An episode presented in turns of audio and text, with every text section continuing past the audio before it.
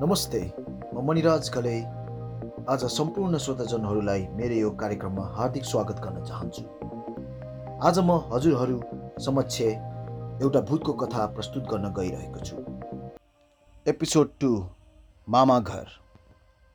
गत वर्षको कुरा हो। दसैँ आउन सात आठ दिन बाँकी थियो। र त्यसैको लागि मैले मेरो आफ्नो कामबाट छुट्टीको लागि मैले अभिदान गरिसकेको थिएँ। मामा माइजूले मलाई सधैँ कल गर्नुहुन्थ्यो। दसैँ तिहारमा यता गाउँमा आउनु अनि आफ्नो रीतिरिवाज सिक्नु भन्नुहुन्थ्यो। यसपालिको दसैँमा चाहिँ टन्न मासु भात खाने हो अनि मामासँग रक्सी पार्नु पर्ला भन्ने सोचमा म गाउँतर्फ बसमा लागेको थिएँ। मेरो गाउँ गोर्खा जिल्लामा पर्छ। काठमाडौँको धुलो धुवाँलाई विदाई गर्दै बसमा म गाउँतर्फ लागेँ। पाँच छ घन्टाको बसको यात्रापछि म गोर्खा बजारमा आइपुगेँ।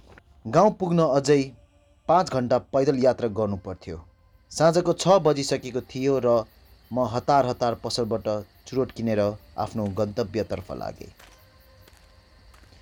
गोर्खा बजारदेखि मेरो गाउँ म पुग्न बिचबिचमा ठाउँ ठाउँमा घना जङ्गलको बाटो हिँड्नु पर्थ्यो। मामाले भन्नुहुन्थ्यो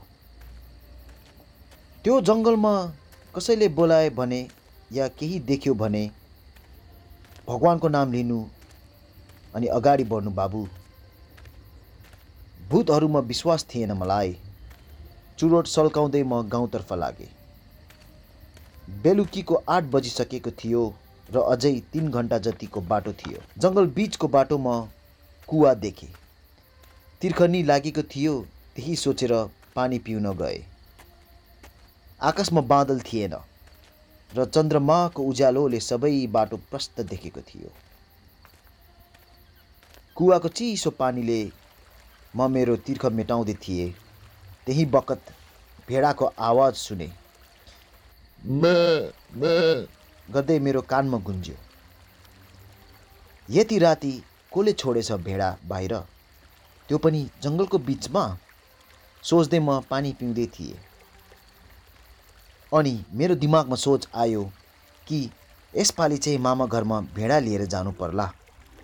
भेडाको आवाज पछ्याउँदै जाँदा रुखको पछाडि सेतो भेडा भुक्क मोटाको कति मजाले घाँसमा चढ्दै थियो। म बिस्तारै बिस्तारै भेडाको तर्फ लागेँ। सायद गोठालोबाट बिछिडेको होला। म देख्दा नि भागेनन्।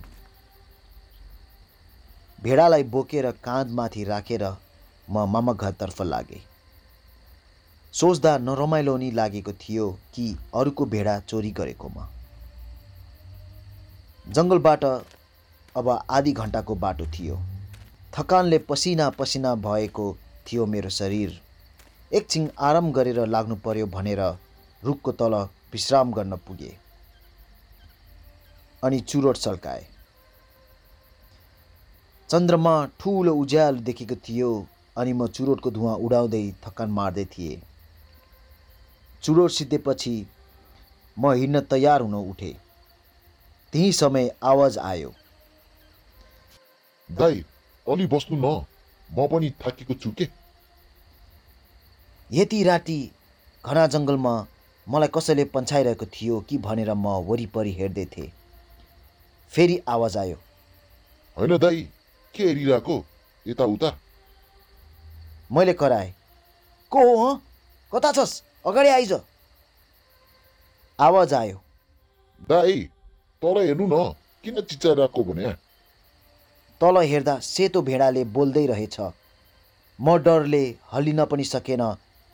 भेडाले भन्यो दाई हेर्नु न कस्तो राम्रो चन्द्रमा देखेको है भेडा बोलेको देखेर म बेहोस भएछु। मामा र तिन चारजना गाउँलेहरू मलाई खोज्दै आउँदा म बेहोस देखेपछि मलाई जगायो। डरले मामा र गाउँलेहरूलाई भन्न पनि सकेन त्यो भेडाको बारेमा। अहिले पनि राति आकाशमा जब चन्द्रमा हेर्छु सेतो भेडाको झलक देख्छु।